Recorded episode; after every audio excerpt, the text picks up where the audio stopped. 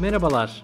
Odea Bank'ın sanat platformu OART sponsorluğunda hazırladığımız Mercado Taze İlham Sohbetleri podcast serimizin yeni bölümüne hoş geldiniz. Bu bölümde yine sizler için ilham verici iki konu hazırladık. Bu konulara geçmeden önce size güzel bir haberimiz var. Odea Bank'ın sanat platformu OART'ın şimdi 2021 sergisini podcast serimizin geçtiğimiz bölümlerinde hem konu etmiş hem de küratörü sevgili Begüm Güney ile sergiye dair keyifli bir sohbet gerçekleştirmiştik. O Art'ın 2021 yılında gerçekleştirdiği ikinci sergisi Işıklık da artık çevrim içi olarak sanatseverlerle buluşmaya başladı. Bu özel sergi medya sponsoru olduğumuz senkron eş zamanlı video sergileri kapsamında düzenleniyor. Özge Topçu'nun mekanı özgü yerleştirmesi Begüm Güney küratörlüğünde Kılıç Ali Paşa Hamamı'nda uygulanmış. Biz ekip olarak deneyimledik. Gerçekten oldukça etkileyici. Sizin için hazırladığımız linkten ulaşarak deneyimlemenizi kesinlikle tavsiye ediyoruz. Biliyorsunuz sizler için bir link hazırlıyoruz her bölümümüzde. Spotify mobil üzerinden bizi dinliyorsanız açıklamalar kısmında bulabiliyorsunuz bu linki. Bu linkin içine de eserle ilgili tüm detayları ve ulaşabileceğiniz linki bıraktık. Oradan mutlaka inceleyin. Sanat deneyimini özlediğimiz bu günlerde bu güzel sergiyi kaçırmayın diyorum ben de. Ve bugünün ilk konusuyla başlayalım. Japonya'nın ve avantgard sanatın en önemli temsilcilerinden Yayoi Kusama'nın New York'taki yeni sergisi Cosmic Nature'dan bahsetmek istiyorum bugün. Aslında Yayoi Kusama'yı hepinizin tanıdığına eminim. Kendisini imzası niteliğinde olan organik formlar ve sonsuz nokta desenleriyle tanıyoruz. Nokta dendiği zaman akla gelen ilk isim sanat dünyasında. Aynı zamanda Louis Vuitton'la gerçekleştirdiği birçok işbirliği var. Marka için hem özel bir koleksiyon çıkarmıştı hem de uzunca bir süre konuşulan bir pop-up store tasarlamıştı. Eminim birçoğunuz buna denk gelmişsinizdir. Duayen sanatçı uzun bir aradan sonra tekrar sanatseverlerle buluşuyor. New York'un meşhur botanik bahçesini doğadan ilham aldığı büyük ölçekli dev enstalasyonlarla donatmış. Sanatçı çalışmalarında her zaman doğadan ve özellikle bitkilerin psişik dünyasında ilham aldığını dile getiriyor. E, çok ilginç bir yaşam hikayesi var Yaoi'nin. Gerek büyüdüğü ortam, gerekse yaşadığı mental rahatsızlıklar aslında sanatçıyı hep beslemiş. Belki ilerleyen dönemde kendisinin yaşam hikayesini alan bir yazı da hazırlarız Mercado'da. Çok ilgi çekici olduğunu düşünüyorum bu konunun. Cosmic Nature sergisinde sanatçının çeşitli enstalasyonları parkın farklı noktalarında sergileniyor. İçlerinde en dikkat çekeni Dancing Pumpkin yani dans eden bal kabağı. Belki bilenleriniz vardır. Bal kabağı sanatçının kullandığı en ikonik formlardan bir tanesi. E, bu sergide de inanılmaz dikkat çekiyor. Anıtsal çiçek heykelleri ve dans eden dev bal kabaklarıyla bu yaz ziyaretçilere büyülü bir açık hava deneyimi sunacak. Yarattığı yeni desenlerle kozmik bir evren yaratan sanatçı pandemiyle kararan hayatlarımızı tekrar renklendirmek ve biraz da olsa yaşamın mucizevi güzelliğini bizlere hatırlatmak istiyor. Sizin için hazırladığımız linkten fotoğraflara mutlaka göz atın. Çok keyifli bir sergi olmuş. Keşke bu yaz hani New York'a gidebilsek ve bu sergiyi canlı deneyimleyebilsek. Evet bu yıl için biraz büyük bir keşke ama e, gerçekten deneyimlemeyi isterdim yerinde. Görselleri görünce siz de aynı şekilde hissedeceksiniz eminim.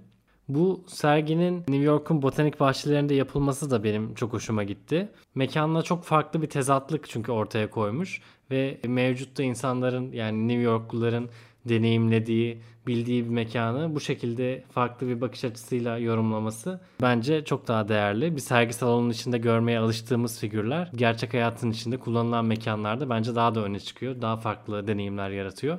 Bundan dolayı da benim ilgimi çekti açıkçası.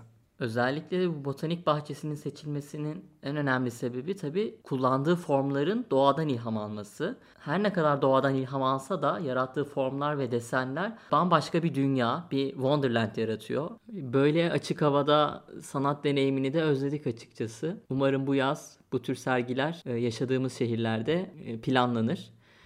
O halde senle devam edelim yaz. Teşekkür ederim. Ben bugün sanattan ziyade birazcık daha tasarım tarafında ve bir probleme çözüm üreten farkındalığı yüksek bir tasarım hakkında konuşacağım. Biliyorsunuz dünyamız çok fazla çevresel sorunla karşı karşıya kalmaya devam ediyor. En önemlilerinden birisi de su sorunu.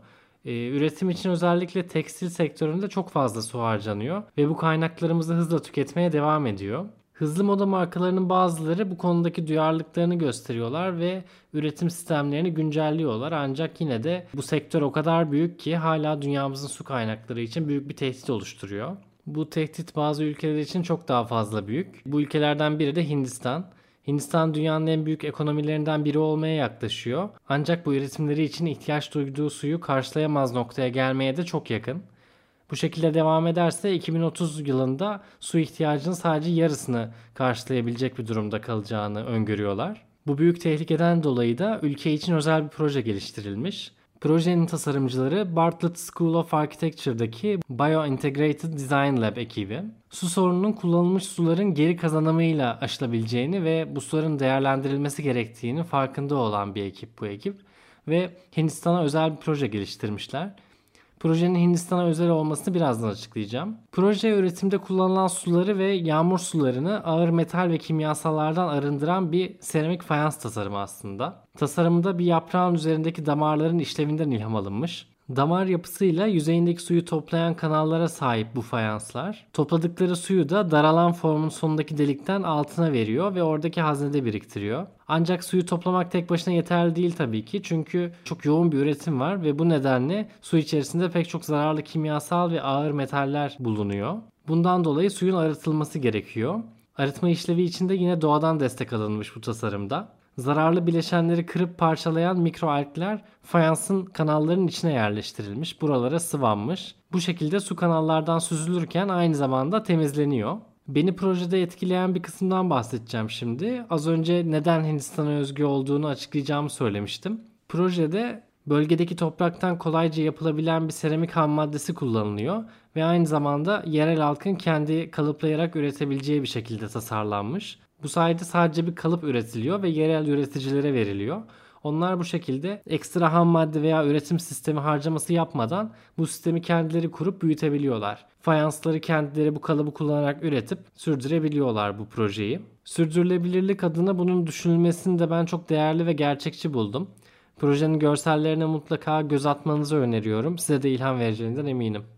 Çok ciddi bir iklim kriziyle karşı karşıyayız ve aslında yeni yeni bunun farkına varıyoruz tüm dünya olarak. Bu noktada tasarımcılar, sanatçılar, bilim insanları herkesin elini taşın altına koyması gerekiyor ve bu noktada çalışmalar üretmesi gerekiyor. Senin bahsettiğin projede bu tür çalışmalardan bir tanesi. Tasarım çok önemli rol oynuyor bu iklim krizinin çözümünde, önlenmesinde. Bu projenin bence en önemli özelliği aslında küresel bir soruna bölgesel bir çözüm üretmesi. Su krizi aslında bütün ülkelerin yaşayacağı bir sıkıntı elinde sonunda. Hindistan çok daha yakın bu krize. Bunun çözümünde de bölgesel kaynakların kullanılarak çözümler üretilmesi bu projenin bence en önemli özelliği her ülke kendi kaynaklarını kullanarak kendi bölgesine özgü çözümler üretmesi gerekiyor. Bunun da güzel bir örneği olmuş bu proje.